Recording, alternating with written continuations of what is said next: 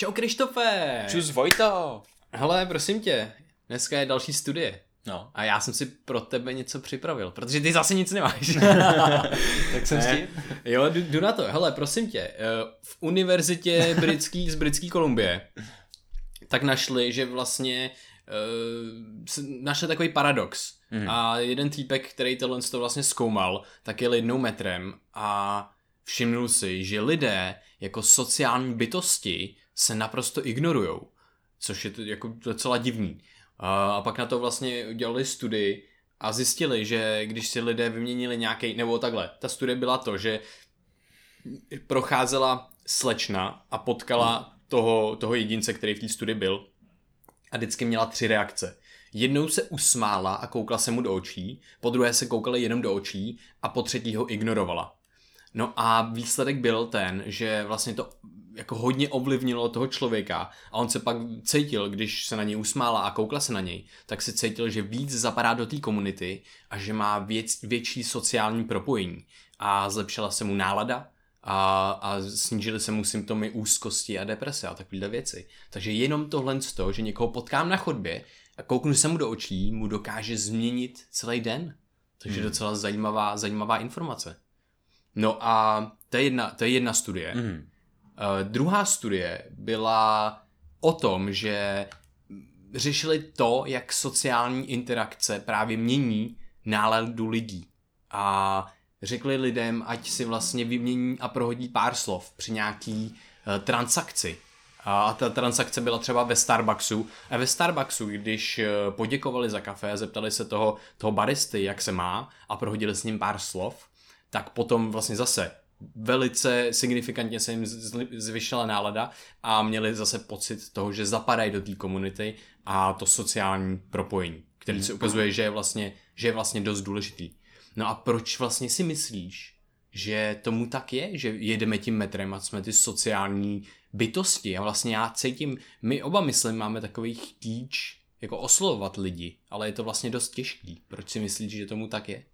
No, mně hlavně připadá, že eh, v tom našem systému, který tady máme, tak jsme všichni trošku jako oddělení od všech, protože každý má to svoje postavení, tu svoji práci a tím metrem jedeme tou svojí cestou a jako by jsme ignorovali ty ostatní lidi. Mm-hmm. Ale naše biologické já tak trošku ujíždí celou evoluci na oxytocinu a mm. díky oxytocinu tak máme ten pocit, že někam zapadáme, že zapadáme do společnosti a že nás ostatní přijímají, protože jak jinak se uh, ujistit o tom, že zapadáme někam, než to tím, že nám, nám to ten druhý potvrdí nějakým mm-hmm. způsobem. Mm-hmm. A já, já tak to můžu jít naproti tím, že se s ním začnu třeba povídat, že se na něj usměju, on se usměje zpátky, nebo se na mě prostě někdo usměje. Mm-hmm. A mně se v ten moment, v, tě, v tě, tě, těch chvílích se mi vyplovuje ten oxytocin, který mi dává jasnou známku toho, že OK, zapadáš sem, patříš sem, všechno je v pořádku, mm-hmm. nemusíš mít strach, nikdo tě nevylučuje a tak dále. Mm-hmm. Proto jsou ty jemné nuance, jemný náznaky a gesta tak důležitý ve společenské komunikaci. Mm-hmm. No, uh, to, je, to je zajímavý a mám, já mám jako stejný názor. Uh, tady vlastně ještě spekulovali ty autoři, že co nám, co nám k tomu brání, aby jsme se takhle v tom metru prostě začali s někým bavit. Mm-hmm. Tak zaprvé je to trošku, je to trošku jako zvláštní evolučně, protože my se evolučně nechceme moc strapnit. A my vlastně máme úzkost z mm-hmm. Že by, by to toho druhého úplně tolik nebavilo.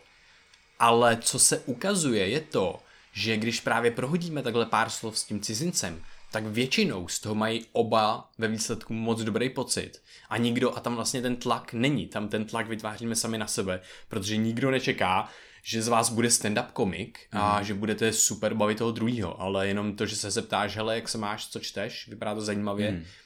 tak vlastně se nedá téměř nic zkazit. Mm-hmm. A, a, a máme samozřejmě evolučně pocit, že kdyby náhodou jsme to zkazili, tak je to průser, a, ale, ale v dnešní společnosti to ten průser takový není, protože ta skupina lidí, tu už pravděpodobně nikdy neuvidím. Mm. Dřív bych si potom, by to byl problém, protože to bylo jediný, jediný, mě znali. jediný lidi, který jsem znal. Přesně že? tak, přesně prostě... tak. Vlastně to metro, to, to, to metro, kterým jedem, tak celý ten vagon je moje, ta, ta, ta moje tlupa lidí a já tam vlastně nemůžu najednou vykročit a začít tancovat nebo něco, protože to bylo jako strašný fópa, kdyby se to stalo někdy v té tlubě předtím, já už bych se nerozmnožil, že dál. To, je- to je fakt zajímavý, že kamkoliv přijdem a kdykoliv je jako uskupení neznámých lidí, tak nám to připadá, že jsou pořád součástí naší tlupy a že nás budou hodnotit a že z toho my vyjdeme uh, vlastně negativně.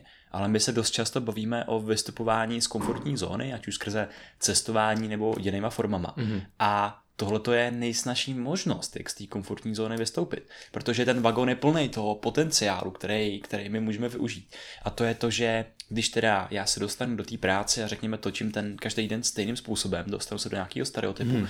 tak já přece jenom každý den můžu někoho oslovit v tom metru nebo se s někým plásnout na ulici, hmm. usmát se na něj, nebo hrát takovou tu hru, že se, že se dívám lidem do očí a, a kdo uhne jako první. To mě jako moc baví. Aha. A jsou takový malý výzvy, kdy vykročíme z těch zajetých vzorců hmm. a pomáhá nám to na všemožných úrovních, na více úrovních. Hmm. Mhm.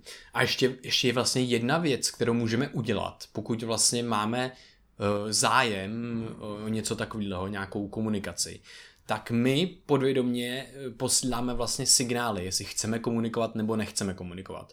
A dost často jsou to úplně jednoduché signály. Máme sluchátka v uších a posloucháme něco.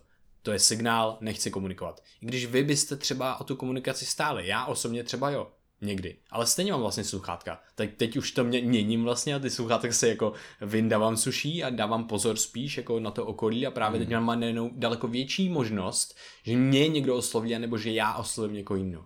To mm. samé je prostě s čtením novin nebo knížky mm. a tak dále. Takže tyhle ty podvědomí signály, které rozesíláme a to může vlastně souviset i s tím, jak se koukáme do těch očí mm. a usmíváme se. Mm-hmm. No, ale jenom tohle mi přijde velice zajímavý, že tak malá věc, jako kouknout mm-hmm. si do někomu do očí, dokáže vám i tomu druhému zlepšit den. Přesně tak. A to beru i jako takový malý, malý typy, jak eh, se z té komfortní zóny dostat. Právě ty sluchátka, ty knížky mm-hmm. a tak dál.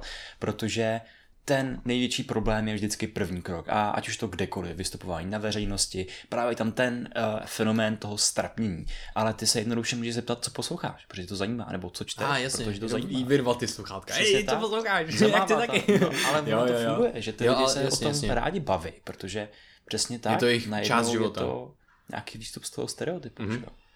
Jasně, super, tak, jo- tak jo, tak děkujeme za poslech. A pokud se vám to líbilo a chtěli byste dalším lidem poslat výstup z komfortní zóny, Tak se na ně usmějte. Jo, tak se na ně usmějte. Tak jo, hele, díky Krištofe a díky vám, mějte se krásně, přejeme hezkou zkušenost. Parádní zkušenost a parádní den. Ahoj. Čau. VR.